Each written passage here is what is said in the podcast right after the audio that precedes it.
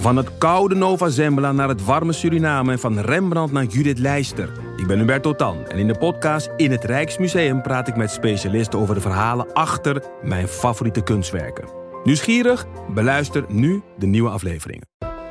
En hij pakt mijn gezicht in zijn handen en hij zegt: Kaatje, dit is de realiteit, hè? Hey, ik ben Pieter van Relaas. In Relaas hoor je waar gebeurde verhalen en die worden live voor een publiek verteld door de mensen die ze zelf hebben meegemaakt. En blijkbaar, ze weten niet hoe dat, dat komt, maar sommige mensen ontdooien beter dan andere mensen. Luister naar Relaas. Je vindt ons terug op alle plaatsen waar je podcast kan beluisteren. De kip zal geen lawaai meer maken.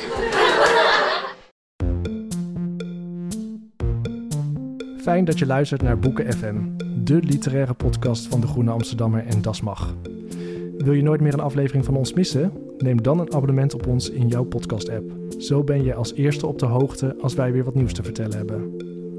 Wij doen ook vreugdedansjes als we een mooie recensie of gouden sterren van jullie krijgen in jouw podcast-app. En je helpt je medemens omdat wij dan ook beter zichtbaar zijn in hun podcast-apps. Zit je met een vraag of heb je opbouwende kritiek voor ons? Mail dan naar boekenfm.dasmag.nl. dat jij en ik gewoon een soort literaire telekids doen. En dat we dan ook een mega blubber power race hebben. En dan, dat we dan elke keer een schrijver uitnodigen. Zeggen, nou Tommy, je hebt een nieuw boek geschreven. Gefeliciteerd. Daar is de hindernisbaan, jongen. Hotse flats.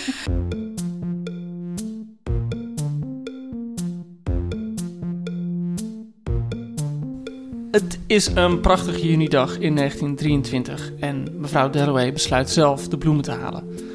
Simpeler dan dat kan je eigenlijk niet een, uh, roman beginnen, maar toch is dit hoe Mrs. Dalloway begint. Het boek van Virginia Woolf. Een van de, ja, het is klein, het is 150 pagina's en toch is het een van de grootste romans van de 20e eeuw. Een vernieuwende roman die ja, niet een hele nieuwe literaire vorm uitvond, maar ook een, een bijtende sociale kritiek schreef. Een, een prachtige nou ja, ik weet niet of het een feministisch werk moet noemen. Maar Mrs. Dalloway begint, besluit bloemen te halen. En daarmee begint een gek avontuur dat zich op één dag afspeelt in Londen. En dat boek, die klassieker, uh, is vorig jaar 95 jaar verschenen. Dat betekent dat er dit jaar de rechten zijn vallen. En dat betekent dat als je zometeen de boekhandel weer open gaat en je gaat de straat op, dan ga je er niet omheen kunnen. Want dat betekent dat er allemaal nieuwe uitgaves komen. Zo in het Engels als in het Nederlands. Uh, het bezige bij geeft het heel mooi opnieuw uit. Rainbow geeft het ook heel mooi opnieuw uit. En ik, ik moet ervan zeggen voor de luisteraars dat we een aantal exemplaren weg mogen geven. Maar goed, daar hebben we het straks pas over. We gaan het nu eerst gewoon heel uitgebreid over Mrs. Dalloway hebben. Zo uitgebreid dat jullie het dan eigenlijk niet meer hoeven te lezen. Maar dat moeten jullie natuurlijk wel doen. Want dat is altijd het idee van Boeken FM. Dat wij heel veel praten. Maar dat jullie dan uiteindelijk wel gaan lezen. En um, dat uiteraard doen we met een, uh, een bijzonder gezelschap. Uh, van onze band op de drums. Die het ritme in de gaten houdt Merel Borst. Hey, hallo. Uh, de poezelige vingers van Ellen Dekwiets spelen op de piano. Joost. Uh, de ronkende gitaarsolo's van mijn collega Marja Pruis. Oh, wauw. Ja, en als jullie denken, wie is die flamboyante, charismatische voorman... met die prachtige stem die de boel bij elkaar zingt? Ik ben Joost Vries. Welkom bij Boek FM. De samenwerking van de Groene Amsterdammer, onafhankelijk weekblad 1877 en Das Mag. Ja, fijn dat jullie er zijn. Ja. Een eer weer. Een eer weer. Oh, ja, je bent ja. natuurlijk, je, bent, je ja. was met uh, Jane Eyre, was je er ja. ook. De, brunt, de Bruntkast. De Bruntkast. Nou, de iedereen was zo enthousiast over jou, Marja. Dus we moesten je wel omkopen okay, om okay. weer bij ons te komen. Ja, er zat ook wel gewoon hier op de redactie heel veel invloed uit te oefenen, hoor. Van, uh, van volgens mij, Joost, hebben jullie wel weer een gastoptreden nodig. Ik bedoel, het werd wel redelijk... Uh, ja, gewoon op de, op de burelen werd je wel een beetje, een beetje gepusht. Oké, okay, Ja. Blij. Zullen we alvast een shout-out doen naar onze vaste luisteraars? Ja, dat vinden we leuk. Dat vinden we altijd leuk. We hebben een aantal mensen die uh, gewoon lieve brieven sturen. En uh, een, van onze vaste, een van onze briefschrijvers heeft ons toch ja, ontroerd, geraakt. En dat zijn uh, Marloes en haar dochter Tessel. Dus even shout-out, hou vol, blijf leven. Yes, en dat zeg ik ook tegen Alexandra in Londen. we wensen je zus superveel gezondheid en denken aan je. Um, nou, dan heb ik ook meteen weer een heel mooi broggetje naar Londen. Ah, ah kijk, oh, dat ging soepel. Um, Marja, ja. ik ga gewoon bij jou beginnen. Wie, wie was Virginia Woolf toen ze Mrs. Dalloway schreef?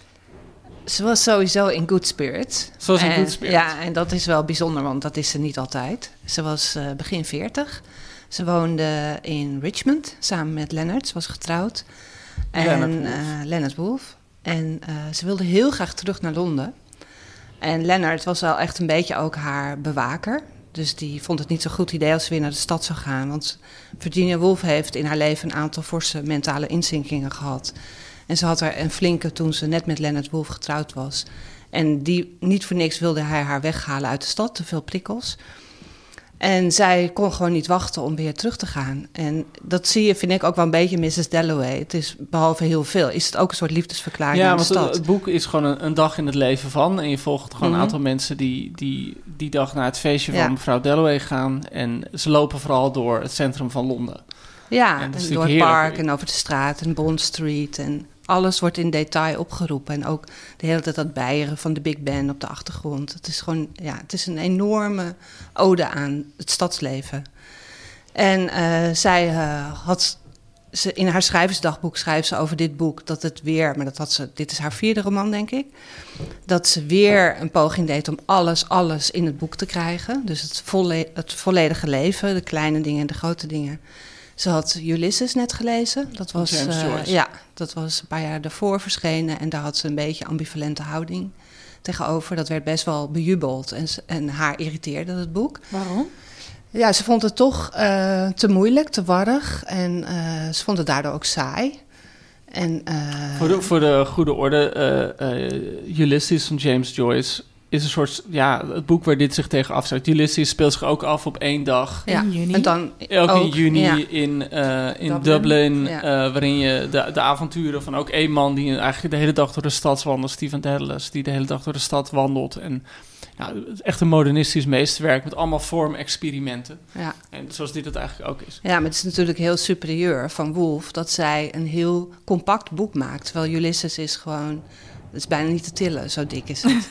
Ja, ik, ik heb er altijd iets moeilijks mee hoor. Want eh, in haar dagboeken schrijft Virginia Woolf over, eh, of in een van haar brieven, ik weet niet meer, dan schrijft ze over ehm, Ulysses. Van ja, je kan wel echt zien dat het werk van een provinciaal is. ja, Want, want eh, hè, eh, James Joyce zet het heel erg af. Weet je, die gebruikt gewoon eh, de Odyssee, gebruikt hij erin. En die grijpt terug naar allerlei Griekse mythen en klassieke oudheid. En dat vindt ze heel provinciaal, dat hij Ja. dat eh, allemaal zo doet. ja. Dat het echt het... het, het eh, daarmee herken je... eh, ja, ze had ook zo'n dodelijke vergelijking met Tolstoy sowieso. Die ze gewoon veel, veel beter vond dan hij. Maar ook zei ze, het is net alsof je een soort regen van hagelschoten op je afkrijgt. Maar er is gewoon geen eentje die je dodelijk in het gezicht treft. Burn. Nou, Burn, Yes. harde burn, Ja. hashtag Burn. burn. Maar want, want over dat snobisme, dat, dat, dat past denk ik wel bij Dalloway. Want, want zij hoort natuurlijk bij de Bloomsbury Group. Ja, Daar was is ze echt het gezicht van geworden. Zeker. En de Bloomsbury groep, dat was een groep vrienden en familieleden. Eh, dat werd zo genoemd omdat ze in Bloomsbury, een wijk van Londen, woonden met z'n allen. De vader van eh Wolf, die overleed. Eh, daarna zijn de kinderen, dus zij met haar broers en haar zus, Vanessa.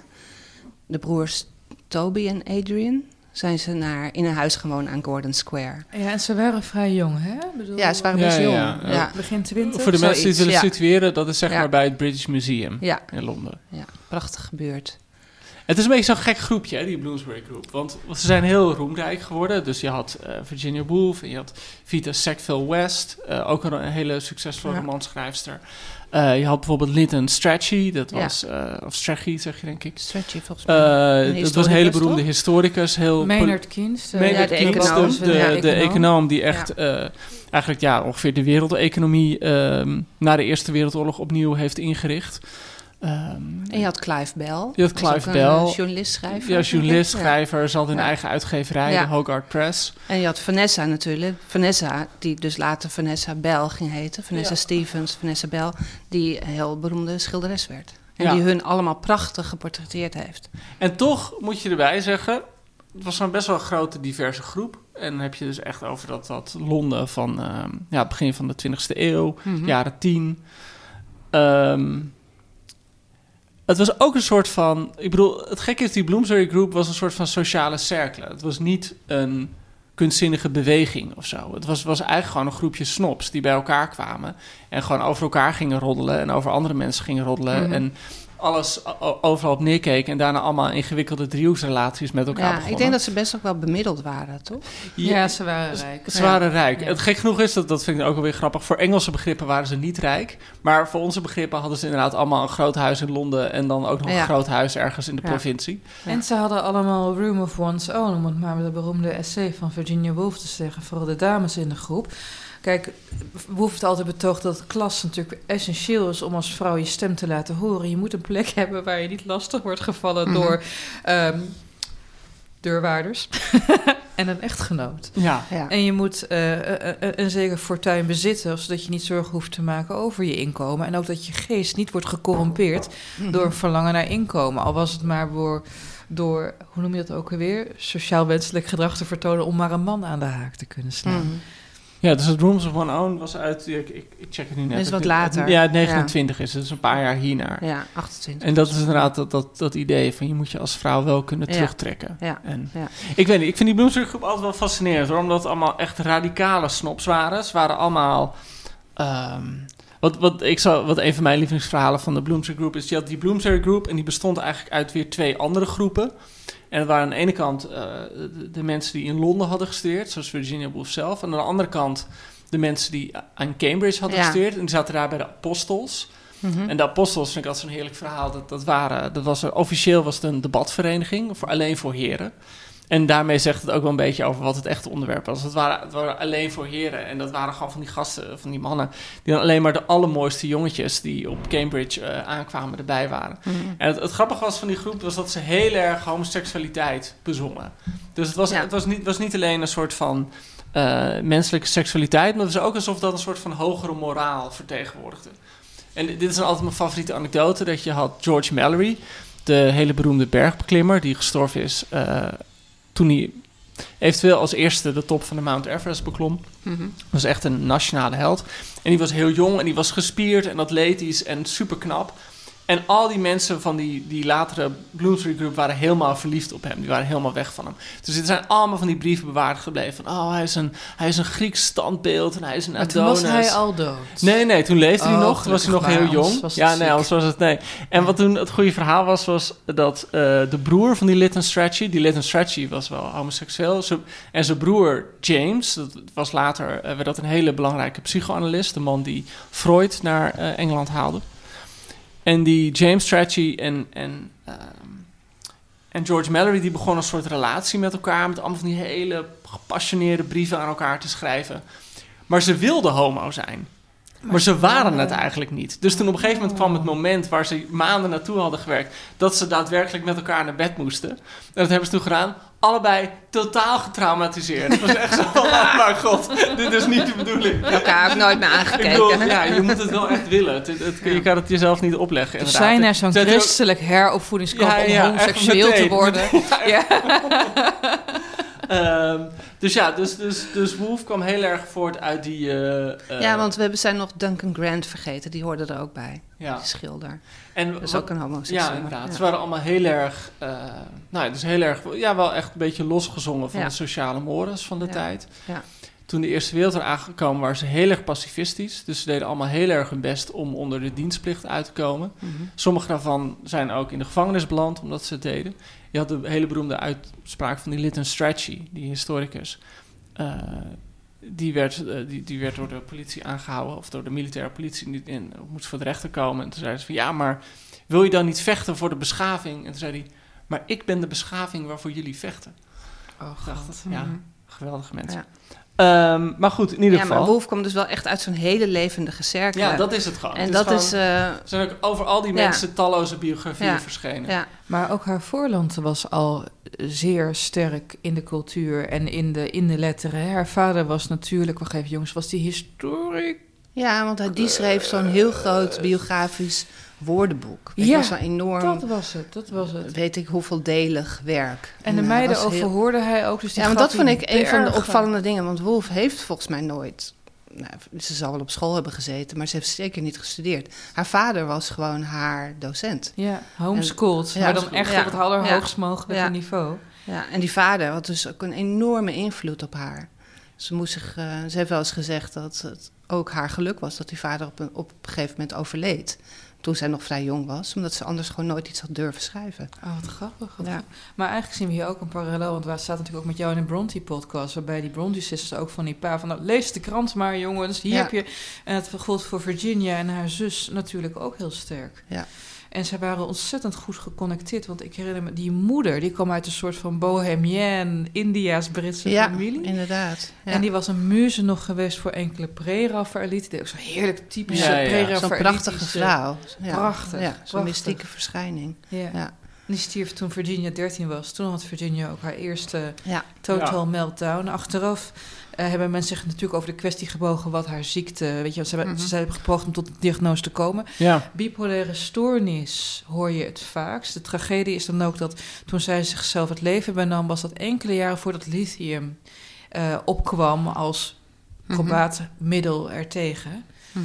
Dus eh, weggeglipt eh, ja. voor Ja, maar het gekke is wel, ik heb, weet niet hoe jullie dat zien, maar ik heb het idee dat Wolf wel echt te boek staat als staat bijna synoniem voor een soort zwaarmoedigheid. Mm. Terwijl als je er eventjes in haar leven verdiept, die Bloomsbury groep die hoort er ook heel erg bij. En juist ook het levendige en het feest te geven. En dat vind ik ook heel mooi, om maar even op Mrs. Dalloway terug te komen. Dat zie je ook in het boek.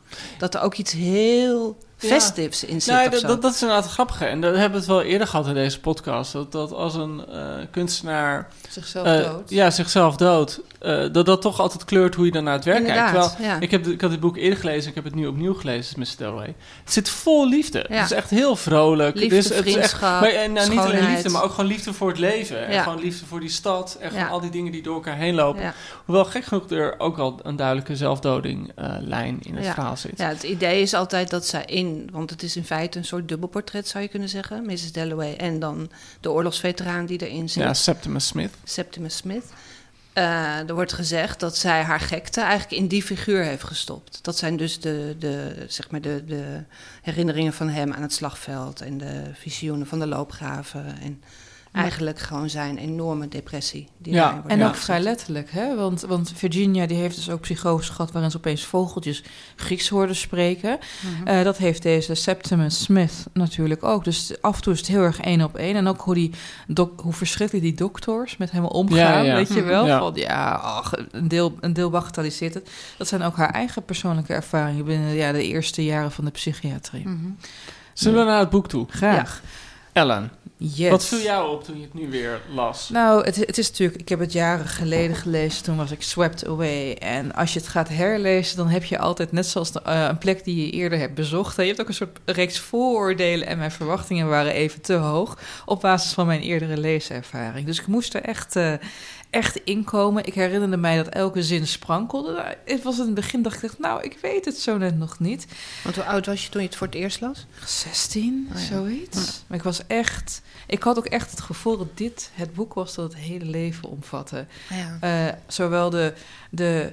Kijk, er zi- zitten verschillende tegenpolen in dit boek. Hè? Het gaat Ja. aan de ene kant over het gecultiveerde leven... en aan de andere kant over de existentiële crisis... die aan het gecultiveerde leven ten, ten basis ligt. Want ja, we leven maar. Er is waarschijnlijk, eh, als we pech hebben, geen God en ook geen doel in het leven. Dus gaan we feestjes geven, ontwerpen we een etiketten als een soort ankers om ons bestaan nog enige richting te geven. En ehm, eigenlijk is dit eh, grappig ook. Het oeuvre van Shakespeare wordt heel licht aangestipt. Hè. Ja, ja. Septimus eh, Smith heeft de, de oorlogsveteraan was voordat hij in de oorlog belandde echt een Shakespeare-kenner, ook een wannabe-dichter. dat hele to be or not to be, dat dreunt net zo hard als de lode klokslagen van de Big Ben door dit boek heen. Het is ook eigenlijk een antwoord op de vraag: waarom zou je in leven bl- blijven? Waarom zou je het doen? En ik was toen op een leeftijd dat, eh, nou ja, op je zestiende, dan sta je eigenlijk een beetje voor die keus van eh, wat gaan we er wat van maken of niet. Dus dat herinnerde ik mij. Ja, het gekke is wel, en, en ik weet niet of we nu al helemaal op deze thematiek door moeten gaan, maar ik pik hem maar gewoon op. Dat, ehm, eh, ja, ik kan wel denken, ik, ik, ik, weet, ik weet niet of ik echt iets verklap als, eh, laat ik het zo zeggen. Die Septimus Smith is eigenlijk de hele, het hele boek door aan het overwegen of hij zelfmoord moet plegen of niet, Ja. of zelfdoding. En dan voor, voor, voor- lie- lieve luisteraars, voor jullie even handig om te weten. Jullie gaan het boek natuurlijk lezen, maar dat spoilen we ook niet. Hij heeft gevochten in de Eerste Wereldoorlog, is zijn beste vriend, verloren op het slagveld. En hij worstelt overduidelijk met wat we achteraf, wat, wat we in die tijd shell shock en wat we achteraf posttraumatische stressstoornis Ja. En het gekke is dat, de- de- ik bedoel, dit is natuurlijk zo'n bekend boek dat allerlei academici er allerlei soorten onderzoek naar gedaan hebben. En afhankelijk zou het The Hours heten. Mhm. Eh, en zou het in, veel duidelijker in hoofdstukken zijn opgedeeld. En zou het boek eindigen ermee dat Mrs. Dalloway eh, zichzelf van het leven zou beroven. En dus, dus, dus dat hele idee zat er altijd al in. En uiteindelijk heeft, heeft het boek, eh, ik bedoel, in die zin spoil ik dat je nu weet dat het niet zo afloopt. Ik bedoel, het heeft een heel ander soort afloop. Eigenlijk een heel ander soort emotie overwint, voor mij betreft Ja. in het boek. En, eh, er is echt een sprake van overwinning. ja, dat, dat is Ja. het echt. Ja. Maar eh, laat ik het zo zeggen, iemand in het boek eh, neemt wel zijn eigen leven en dat komt binnen bij Mrs. Dalloway als net haar feestje begonnen is. En dan denkt ze heel even, ja, waarom ook niet?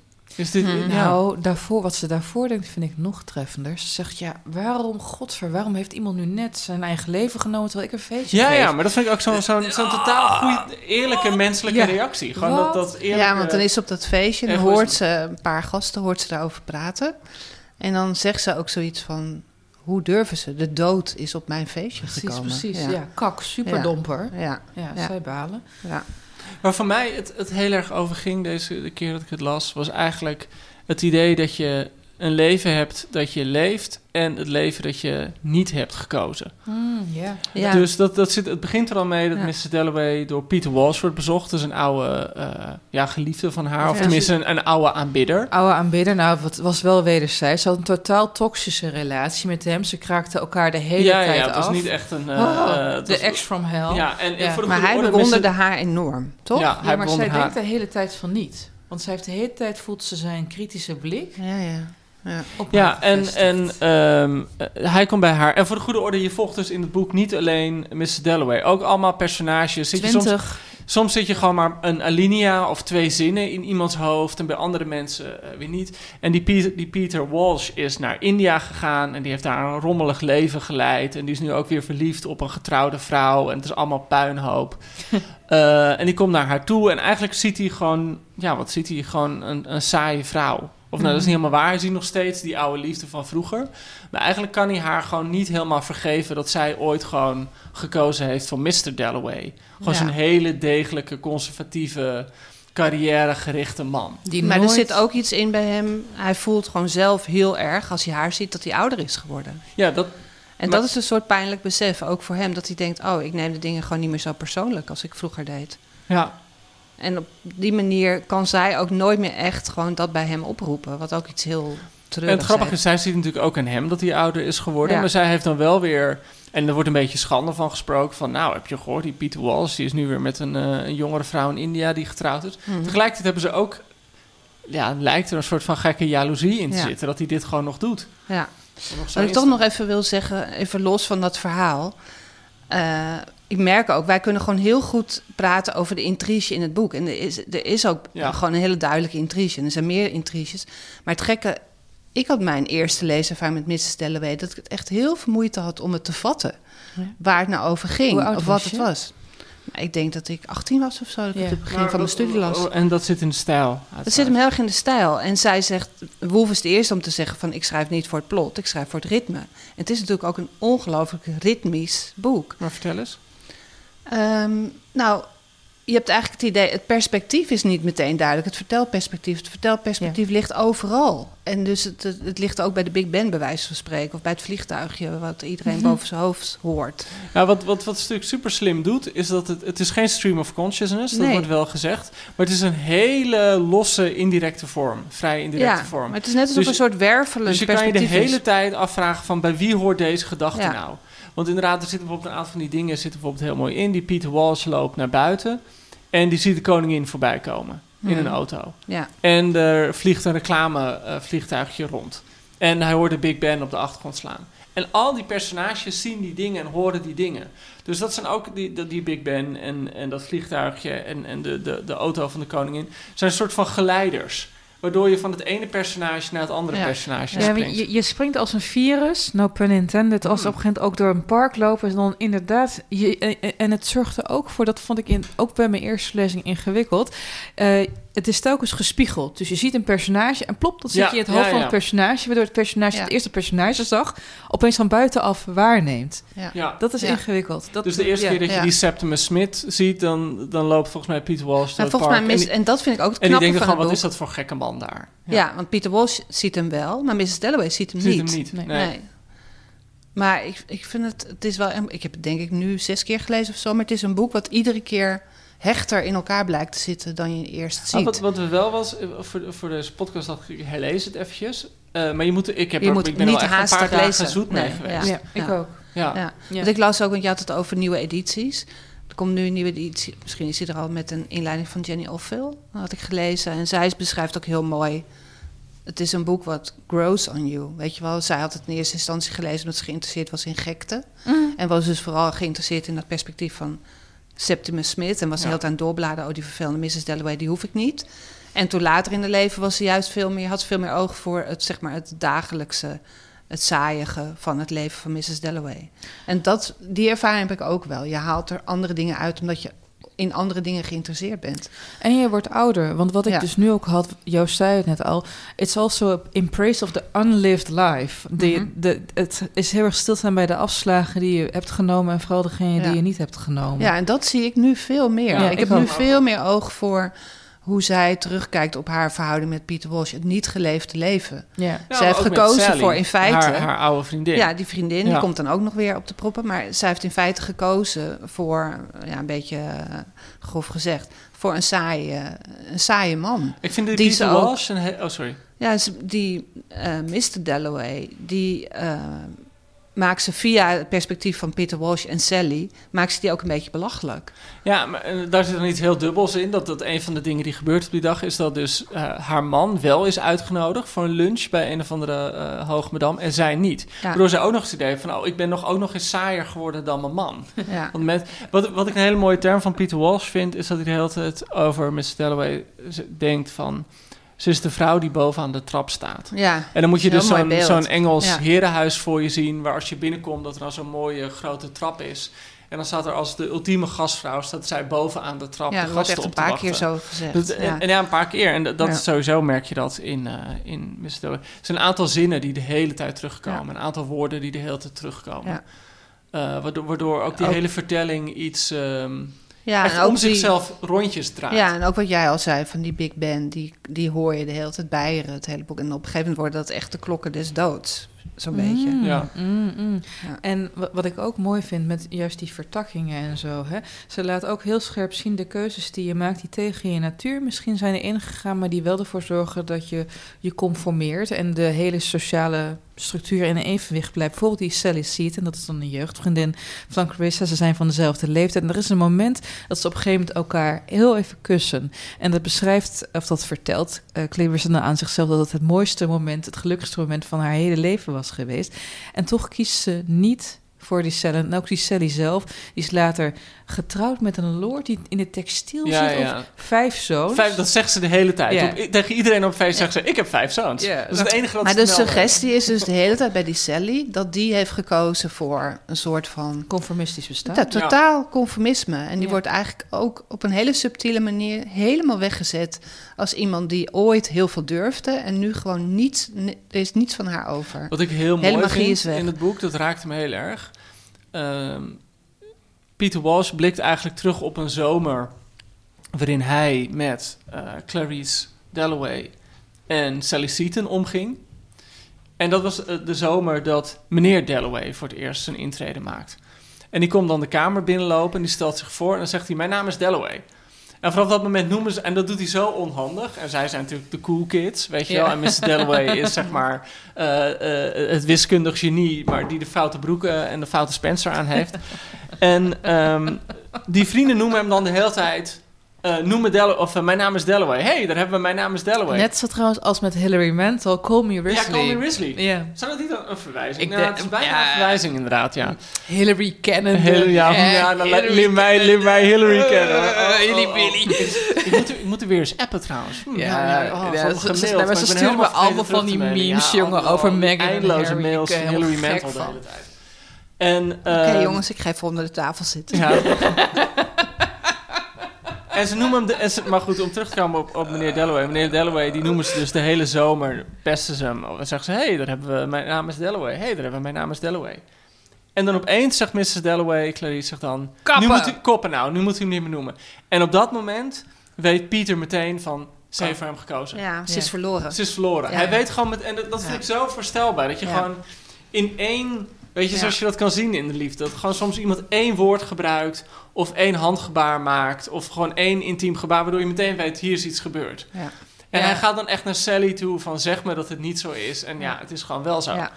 Maar dat is mooi, hè? Dat je dat besef van het onderspit. Dat je jezelf ook niet meer voor de gek kan houden. Want ik neem aan dat iedereen in deze kamer wel eens vergeefs verliefd is geweest. Tuurlijk. En dan ja. heb je altijd nog dat hele ge- schemergebied waarin je denkt... oh, volgens mij Het maak kan ik nog, Ja, kan Het nog. kan, Ja, kan, kan. het kan. Ja, en ja, dan kan je heel kan. lang Ja, volhouden. heel je kan heel goed zijn. daar kan je mensen die dat decennia maken. Je kan er net een cycli over schrijven.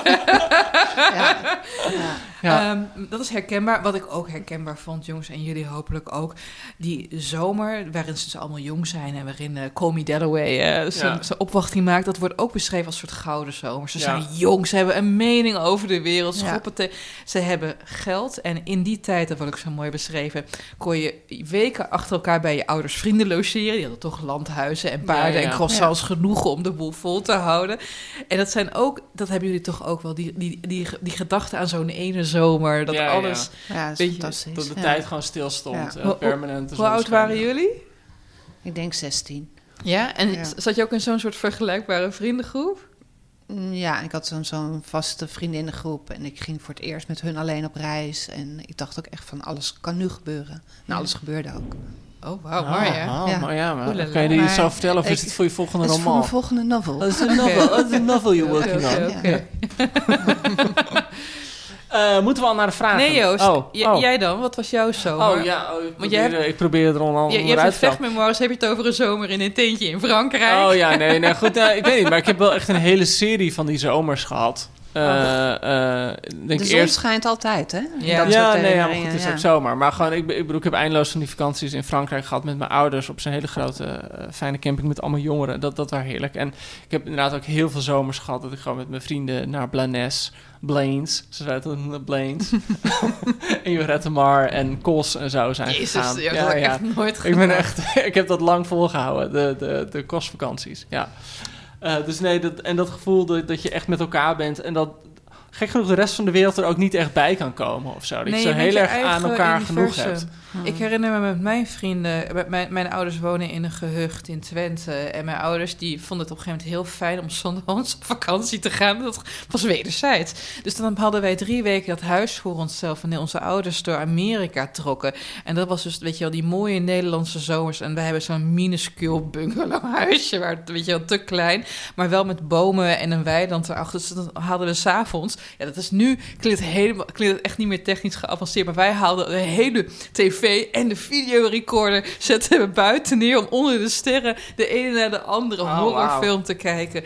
Ja, en dat was natuurlijk magisch. En al mijn vrienden, want ik had, ik had op de middelbare school tegen het einde van ook echt zo'n intellectuele vriendengroep. Weet je, wel. dan gingen we allemaal close en perk citeren. Dan vonden Oh, we ons zo ontzettend meeslepend. Weet je. Nou, daar hadden we de discussies hoor, onder de sterrenhemel. Ja. En we zijn allemaal of getrouwd met kinderen, met hele saaie partners. Als het Nou, als de Iedereen vriendinnen van Ellen is luisteren, jullie... eh, die- Inderdaad. Die zijn suf en ik ook.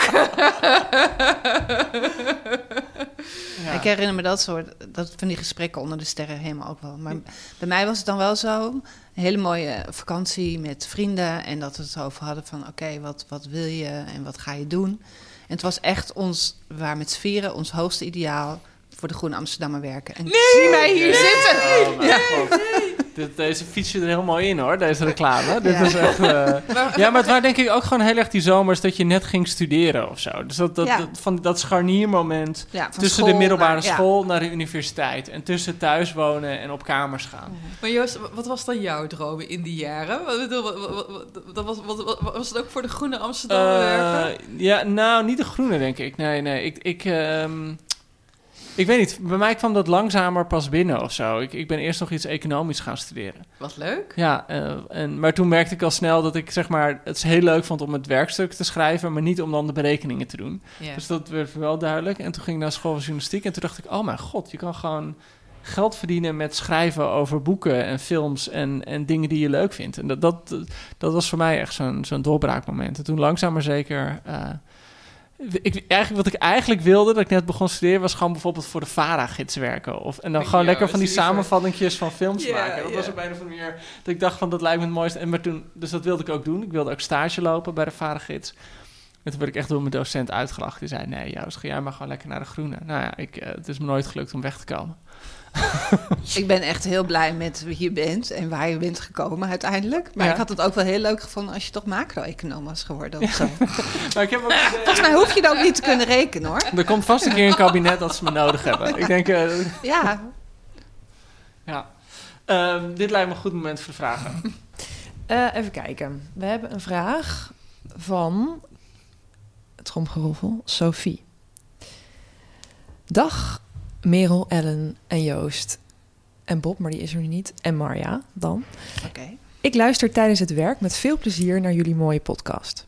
Ik werk in een bibliotheek, waar het vooral heel erg stil moet zijn. Met de hoofdtelefoon op loop ik dan boeken weg te zetten en naar jullie te luisteren.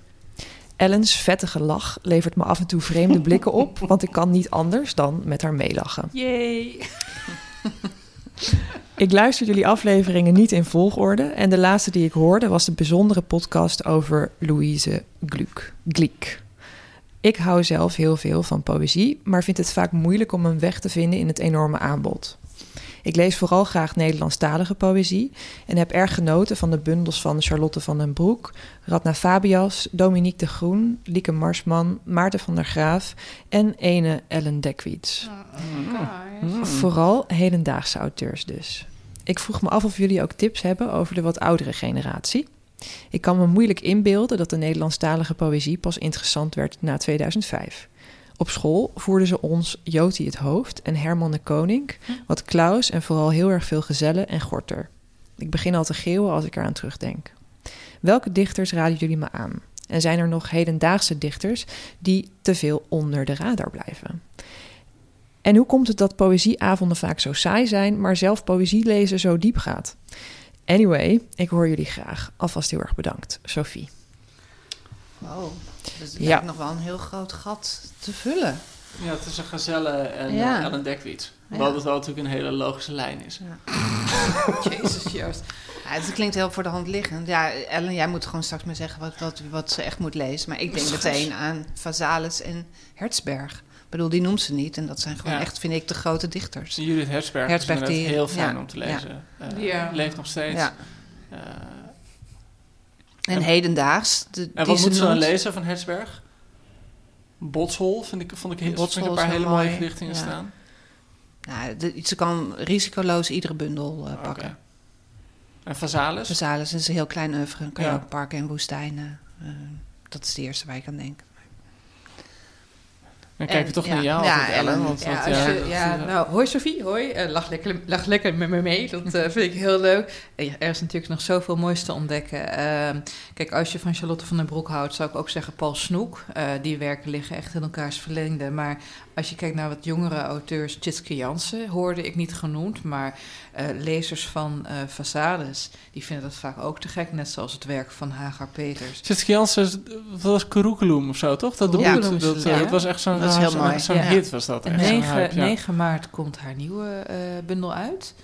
Eh, ook heel benieuwd naar. Rutger Kopland, als ik toch even kijk naar de dichters die je hier noemt, Ja. die jou eh, bevallen. Ja. Als je kijkt naar het eh, meer internationale, ja, Simborska, Tranströmer, eigenlijk de Ja. usual suspects van de eh, eh, Nobelprijslijst. Ehm, ik zit even te denken. Ik kijk, vind Esther Jansma ook gewoon Esther heel Jansma. mooi. ik ook Esther Jansma vind ik goed. Ja, Esther. Naomi Perquin. Ja, Ook oh, als- tuurlijk. Ja, Ja. Berkin, Ja, heel ja, ja, helder. ja. Ja, en maar Ja. pak dan ook... eh, Hans Faverij. ja, of... of En een van mijn echt lievelingsbundels is eh eh, Varkensroze Anzichten van Mustafa Stitu. Ja. Ik vind Tempel ook mooi. De bundel die daarop volgde over de dood van zijn vader en Ja. bio-industrie. Ja. Ja, I know, I know. Logische Ja. combinatie. Raadsels, raadsels, raadsels. Maar ook de laatste bundel van Alfred Schaffer. Ja, maar nu zitten we weer na 2005, hè? En Oh ja, dat, eh, goed, dit, dit heeft scherper. Sophie, ja, nee, Jij, Ja, ze, had ja, wel het over, ze wilde ook wel iets over hedendaags. In het Ja. Engels Mary Howe, H-O-W-E, What the Living Do, vind ik erg mooi. Het werk van Sophie Cabot Black, ook heel erg goed. Voyage of the Sable Venus. Lew- Lewis, kan dat? Van Robin Costa Lewis. Ja. Is dat Eh, nieuw of is dat... eh, Dat is al een paar jaar oh, oud. Het heeft... eh, Ik ken ja. het helemaal niet. Eh, ja, er komt ook zoveel, weet ik dus veel uit. Weet je, het is ook vaak zo dat ik op van die Engelse sites ga. En dan is er één gedicht dat je pakt. Dan google je die naam nog een keer met gedicht. En als het dan allebei je pakt, dan bestel ik de bundel gewoon. Ja. Ik heb met poëzie wel echt heel erg de neiging om eh, tot Nederlandse poëzie te beperken. Ja? Ja, omdat het anders gewoon... Te, ik weet ook niet waar ik moet beginnen of eindigen. Het is, Ja. Er is heel veel. Ja. Ja, weet, weet je trouwens, Sophie, bloemlezingen. Ja, dat is natuurlijk heel makkelijk. Bloemlezingen van Poetry International. Die geven ook een aardig beeld van wat Ja. er internationaal nu speelt. En dan even je andere vraag, want die raakt haast ondergesneeuwd door ons enthousiasme over je vraag wat ze nog meer moet lezen. Waarom zijn poëzieavonden zo saai en de poëzie-lezenervaring zo leuk? Nou, ik weet of een poëzieavond per se saai is, want als ik dat zeg, dan heb ik, ben ik mijn verdienmodel kwijt.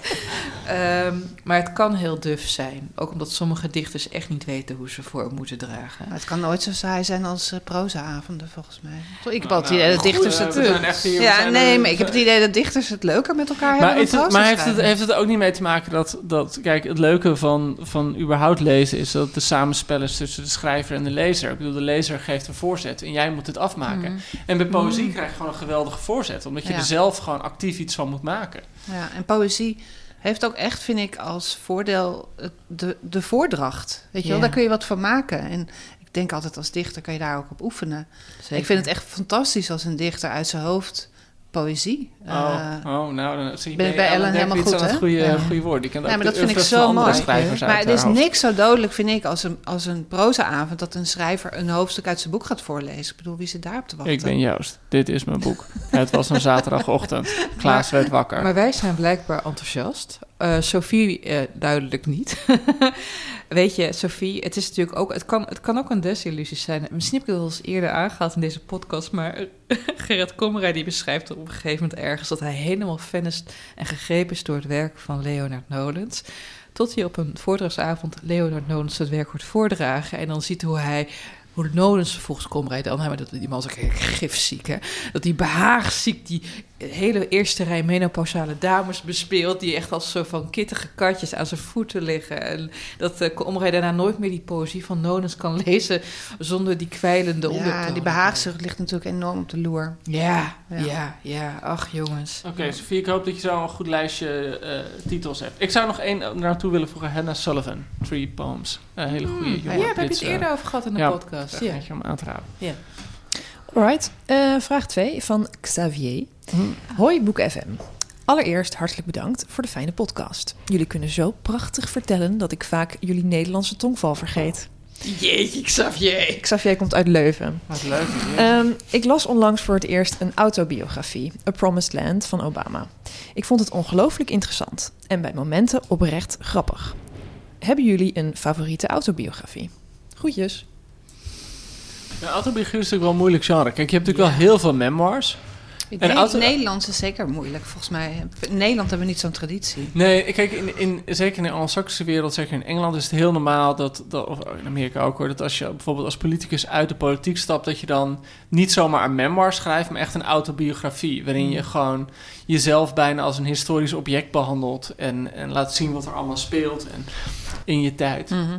Dat heb je in Nederland bijna niet. Is Nee, al zit ik nu wel meteen te denken aan die privédomeindelen. Daarin zijn er Nou, natuurlijk wel een paar mm, verschillen. Dat is eigenlijk wat wij Ja, hebben, inderdaad. ja. Die privédomeindelen die door Ja. arbeiderspers worden uitgegeven Ja. en heel mooi zijn. Er zitten ook natuurlijk allemaal allerlei buitenlandse eh, Ja. auteurs in.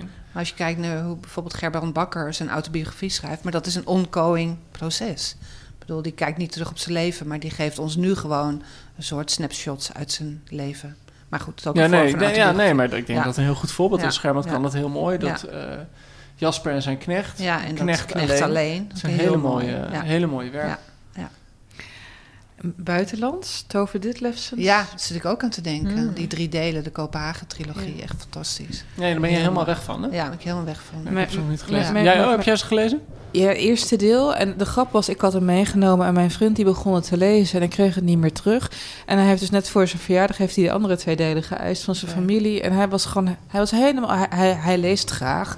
Maar dit was van Ja, een ander niveau. Hij Wees gewaarschuwd, het derde deel is echt een enorme klap voor je kop. Ja. Dat heb ik ook al gehoord. Hij Ja. was een heel sip konijntje. Ja, Ja. ja. maar het is echt fantastisch. Heel, heel erg mooi. Ja, bij mij komt als, als het om memoirs gaat... eh, of, of een soort van levensgeschiedenissen... dwars door de dagen van James Salter. James Salter is Ja. zo'n schrijver waar Ja. ik het vaker over heb eh, gehad. En dwars door de dagen is ook zo'n terugblik op zijn leven... heel vlug verteld. Ehm, dat echt helemaal dezelfde stijl en dezelfde kwaliteit... als een romans heeft. Dat dat echt... Dat, Ja. Het past gewoon als een roman in zijn werk. En dat is echt schitterend gedaan. Ik vond Mijn Biecht van Tolstoy erg, erg pakkend. Eh, omdat gewoon, het is zo niets onziend. Het is gewoon, hij zet zich echt als een enorme lul neer. Vond ik ook heel boeiend. Autobiografie, ik ben het naam kwijt, van Martha Graham. Amerikaanse danseres, pionier van moderne dans. Waarin ze ontzettend mooi vertelt hoe je ook een, ehm, een, een familiegeschiedenis door je lichaam heen overhevelt aan een nieuwe generatie. En hoe die hele familie in haar lijf weer klinkt. Dat was echt zo'n originele blik. Het was echt fascinerend. Wat ik heel mooi vind is, dat is een paar jaar geleden verschenen, het is vorig jaar in het Nederlands verschenen, The Odd Woman in the City van Vivian Gornick, Amerikaanse ja, vrouw apart heet het in ja, het een vrouw apart Ja. heet in het Nederlands. Heel Ja? erg mooi. Je hebt haar ook geïnterviewd in New Ik heb York, haar hè? geïnterviewd en eh, haar andere boeken zijn ook heel erg de moeite waard. Ze heeft ook een heel mooi boek geschreven over de wandelingen die ze door New York maakt met haar moeder. Die gaan dus echt een terugblik op haar jeugd en op de moeders jeugd. Hoe heet dat boek? Verstrengeld heet het in het Nederlands. Nou ja, Fierce Attachment. Fierce In Attachment. het Engels, ja. Dat, Ja. dat wordt echt zo gezien als Ja. een van de beste memoirs. Ja. Ja, eh, van de laatste 25 jaar of zo, ja. ja. Dus ik hoop dat je daar wat eh, aan hebt, eh, Xavier. Of, of misschien dat mogen we jezelf Xavi noemen. Xavi. Maken, Xavi. Nice. Ja, even voor de luisteraar trouwens tussendoor. Ehm, Dat alles op de achtergrond, wij hadden het ook niet ingeschat dat dit Oh ja, nu op dit moment zou gebeuren. Eh, dus excuses voor het gehei en geschreeuw. Ja, en we zitten in het verbouw. pand van de Groene en het pand om ons heen aan de, aan de single wordt echt helemaal verbouwd. Eh, We hebben geluk dat we hier nog überhaupt binnen nou, zijn. blijkt nog leven. Ja, dat het gebouw nog staat. leven.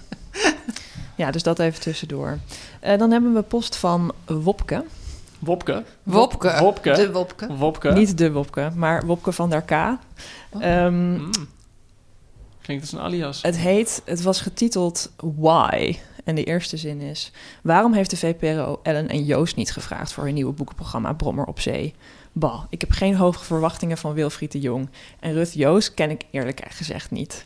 Nou, ik moet wel Gemiste kans. Ik blijf trouw op de podcast. Oh, goed Wopke. Wopke, dankjewel. Ik moet wel zeggen dat Rut Joos heel leuk is. Dat is, eh, ik ben een paar keer daar geïnterviewd. Zij is Vlaamse radiomaakster over boeken. En dat is echt iemand die heel belezen is en heel geïnteresseerd. En eigenlijk, Ik denk dat het ook een hele goede ik combinatie denk dat het eigenlijk is. een hele goede combinatie is. ja. Hoor. Ik heb wel hoge verwachtingen Ja, ik ook. eh, van haar met Wilfried de Jong. Maar ik Wat onverlet laat is dat als je Jullie gewoon mij en Ellen ja. een beetje in de make-up zetten...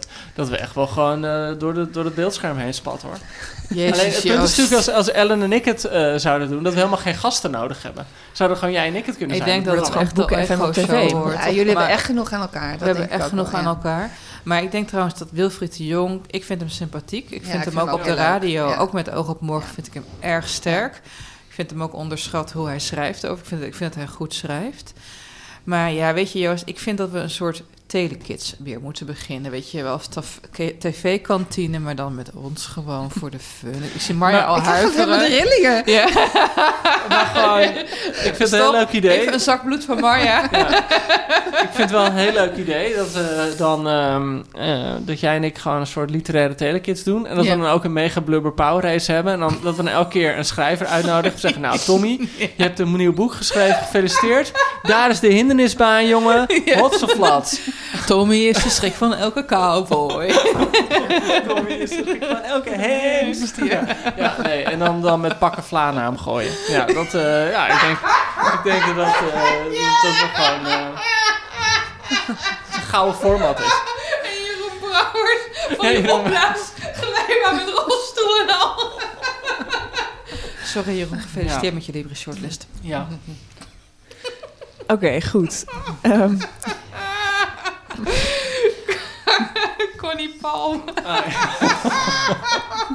dus ik zo'n dwerg, weet je wel. Met die kleine beentjes. Oké. Ja, ik zal geen grap over AFTA maken. Ja, je zit meteen vast tussen de schuifdeur en die moet je met groene zeep in smeren om Adrie er doorheen te krijgen. Ik ben aan het vet shame. Ja, ja, dit, Oké, ik ga snel door naar vraag 4. Oh, nog een vraag. Vier nog, vragen nog, zelfs. nog, nou ja, het was eigenlijk meer een mededeling en een soort wens. We doen nog één vraag en dan doen we de prijsvraag. Oh, en heel dan gaan we verder met het boek. Nog Ja, even. top. Oké. Ehm, lieve Boeken FM. Bij mijn dagelijkse wandelingen door Den Haag luister ik trouw jullie podcast terug. Vandaag hoorde ik Ellen in seizoen 3, nummer 1 de oproep doen om je enthousiasme over een aflevering gewijd aan mystiek lichaam te delen. Ja. Ja, ja, dat zou ik geweldig vinden. Is jullie wel opgevallen hoe vaak Joost dat zegt? Geweldig. Ja. Om mijn Sorry, fangirlschap... te- Je zegt blijkbaar een keer vaak enthousiast? Geweldig, ja. Om mijn fangirlschap te illustreren, in de vijfde klas van de middelbare raakte ik verslingerd aan dit boek. Toen ik de roman in de bibliotheek op school aanvroeg, bleek deze 17 jaar geleden voor het laatst uitgeleend te zijn. In de binnenkant stond 12 april 1994 gestempeld, mijn geboortedatum. Voor mij is het zo'n roman die je bijna niet met andere mensen wil delen, omdat het voelt alsof je een stukje van jezelf weggeeft. Hmm. Ik zou het heerlijk vinden om jullie te horen over de hilarische prul en gijzelhart, de berg aan symboliek en alle ophef die rond deze roman ontstond. Groeten, Jet Zwart. Nou, Jet, daar kunnen we kort over zijn. Dat gaan we fixen. Dat gaan we voor je doen, toch? Lijkt me heel leuk. Ja, you Ja. en Marja? Of Ninja misschien? Eh, Ninja ja, ik denk Ja, Ninja. die- Ik weet van Ninja Wijs dat het voor haar ook een heel belangrijk boek was. Het is voor mij meer een boek, altijd een soort studieobject gebleven. Oh. Het is wel echt zo'n boek dat zo'n zo'n herbeleving heeft gehad de afgelopen Ja. aantal jaren. Dat, Ja. dat ook met de het uitgeven van het verzameld werk en van zijn brieven en van de biografie door Jaap Goede Geburen. Goede gebeuren. ja. Maar Marja, Eh, wat- gewoon wat- heel veel nieuwe aandacht heeft gehad. Wat bedoel je met een studieobject? Eh, ja, ik kreeg gewoon geen greep op, op dat boek. Ah, oké. Eh, Nee, maar oké, Nee. Eh, komt voor de bakker. Ehm, gaan we fixen dit seizoen nog? Ja, dit seizoen. Ja, waarom niet? Ja, heb jij hem trouwens gekend? Eh, nee, nee, nee. Maar je bent ook een vrouw. En eh, het was Ja, volgens inderdaad. mij...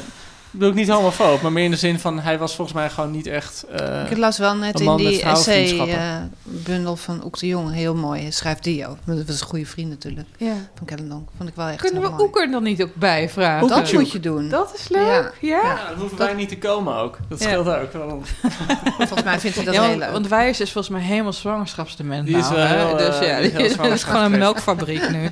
hey, ehm, dames en heren. Ja. We hebben natuurlijk de, de unicum deze week, dat we, of deze keer, dat we een prijsvraag hebben. Eh, mevrouw Dalloway, Virginia Woolf. Opvallend hè, dat het nu mevrouw Dalloway heet. Vertrouwd door Bouke, ja, het is een beetje Verheij. stom eigenlijk. Ja, ik vind het wel even verwennen. Het is toch...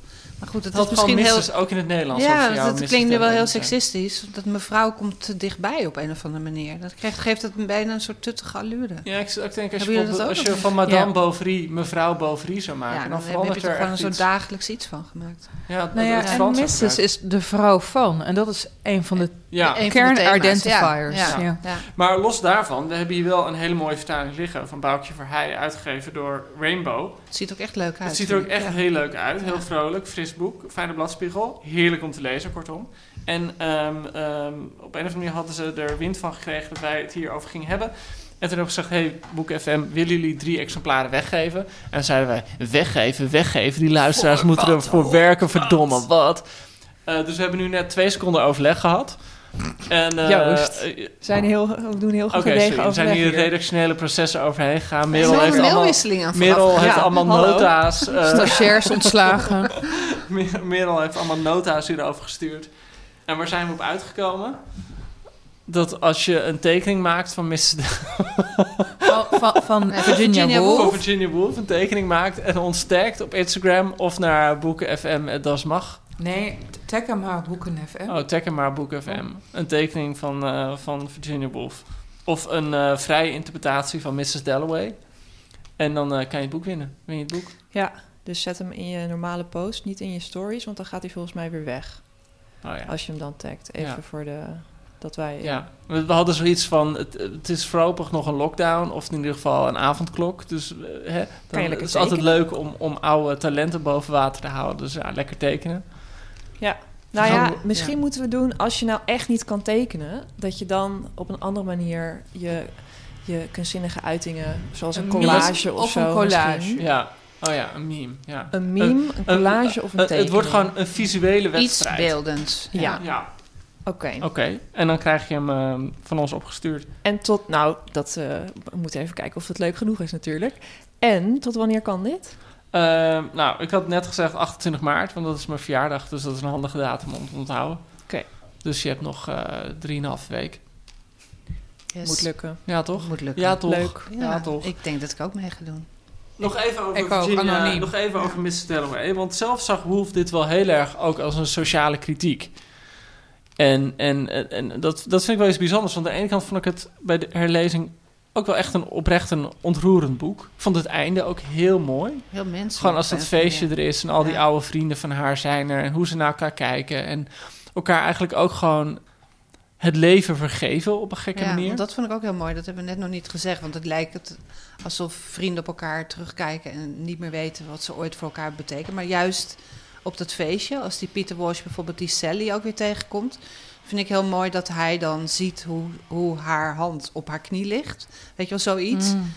Typisch zo'n detail dat je denkt, oh ja, daar herken je mensen aan die je heel goed kent. Omdat ze gewoon hun eigen tics hebben en hun eigen motoriek. Heel mooi beschreven. Dat hij dat Ja, toch? En je merkt gewoon dat, Ja. dat eh, Clarissa en Peter Walsh en Sally gewoon ook heel opgewonden uiteindelijk zijn om elkaar weer te Ja. zien. En er gewoon heel erg van genieten. Ja.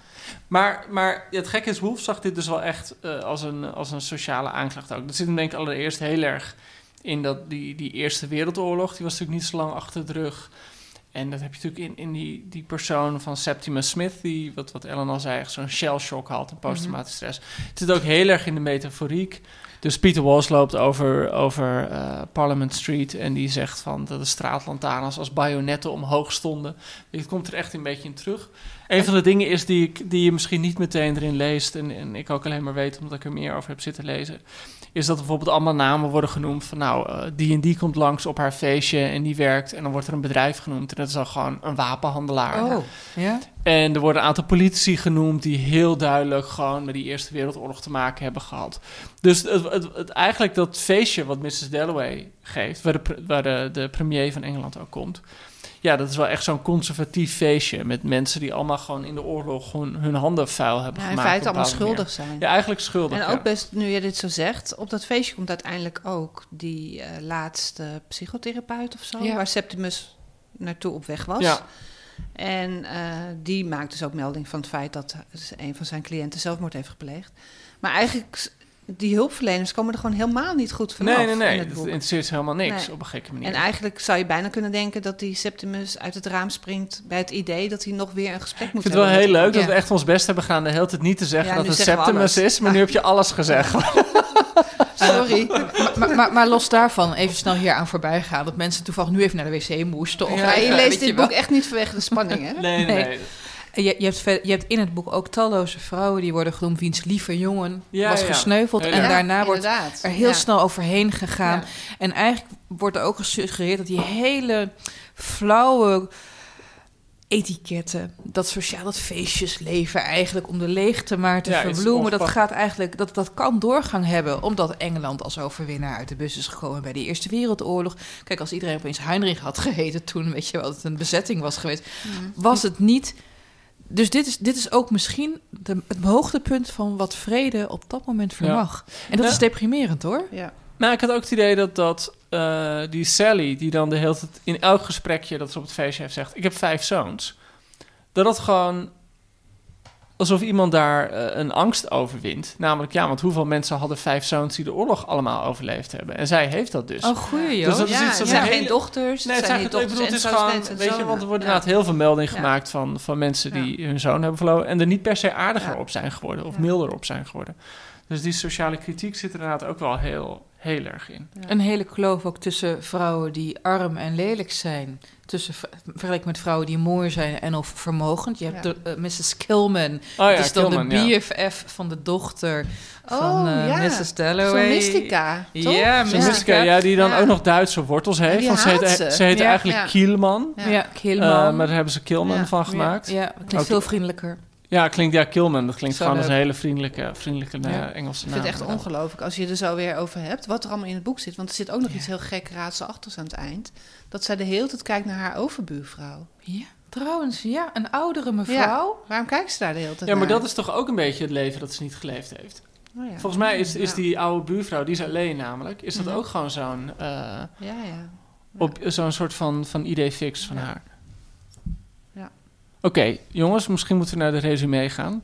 Mhm. Hoe was het voor jullie om het boek, Mar, hoe was het voor jou om het? Ongelooflijk. Ik vond het zo eh, inspirerend ook. En eh, ik vond het echt een meesterlijk boek.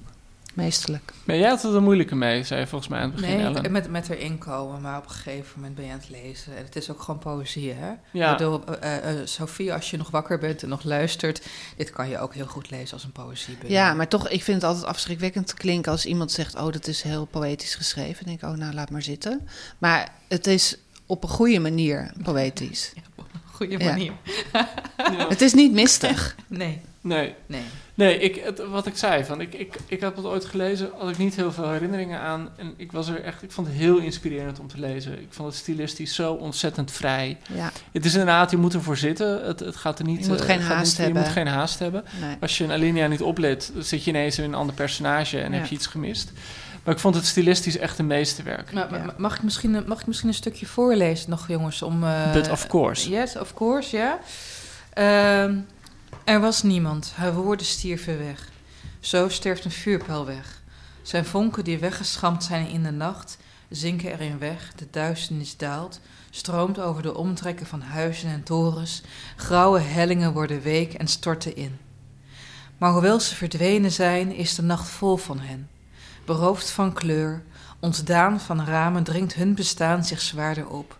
Ze verkondigen wat het openhartige daglicht niet in staat is over te brengen.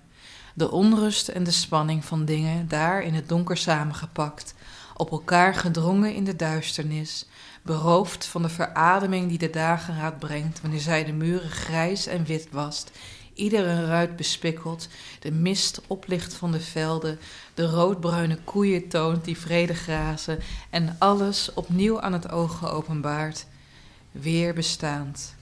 Ik ben alleen, ik ben alleen, riep ze bij de fontein in Regent's Park. Ja. Ja. Toch, jongens? Kan, Ja. het, eh, dit toch toch? met jullie goedkeuring wegdragen? Can I get a whoop whoop? Ja, Nou, can I get is- a whoop? ja. En there's the after party. Oké, eh, moeten we dit ook nog een cijfer geven? Ja, nee, toch? Oh, jij, wil, jij wilde te- altijd wel echt aan vasthouden. ja. En welke range? Nou ja. 0 tot 10. ja, gewoon eh, liters per seconde. Nee, eh 1 tot 10. Wat- Nou ja, ik vind het beyond. Ja, ik vind, oh, ik vind Dus, het ook heel moeilijk ja. om, om het iets anders dan een... eh, En een tien vind ik ook weer zo alsof je er een grafsteen op legt. Bedoel, dat is ook weer niet de bedoeling. Ja, weet je... eh, Laten we zeggen een 9. Ik vind een 9 altijd een heel mooi cijfer. ja, mee eens. Ja. Akkoord, Oké, Joost? Oké, 999. Wat is voor een gemiddelde van een... Oh, jezus, iets van een 8,9 of zo. Ik oké. niet zo mooi de alfa hier. Eh, nou, ik hoop dat we er binnenkort weer zijn.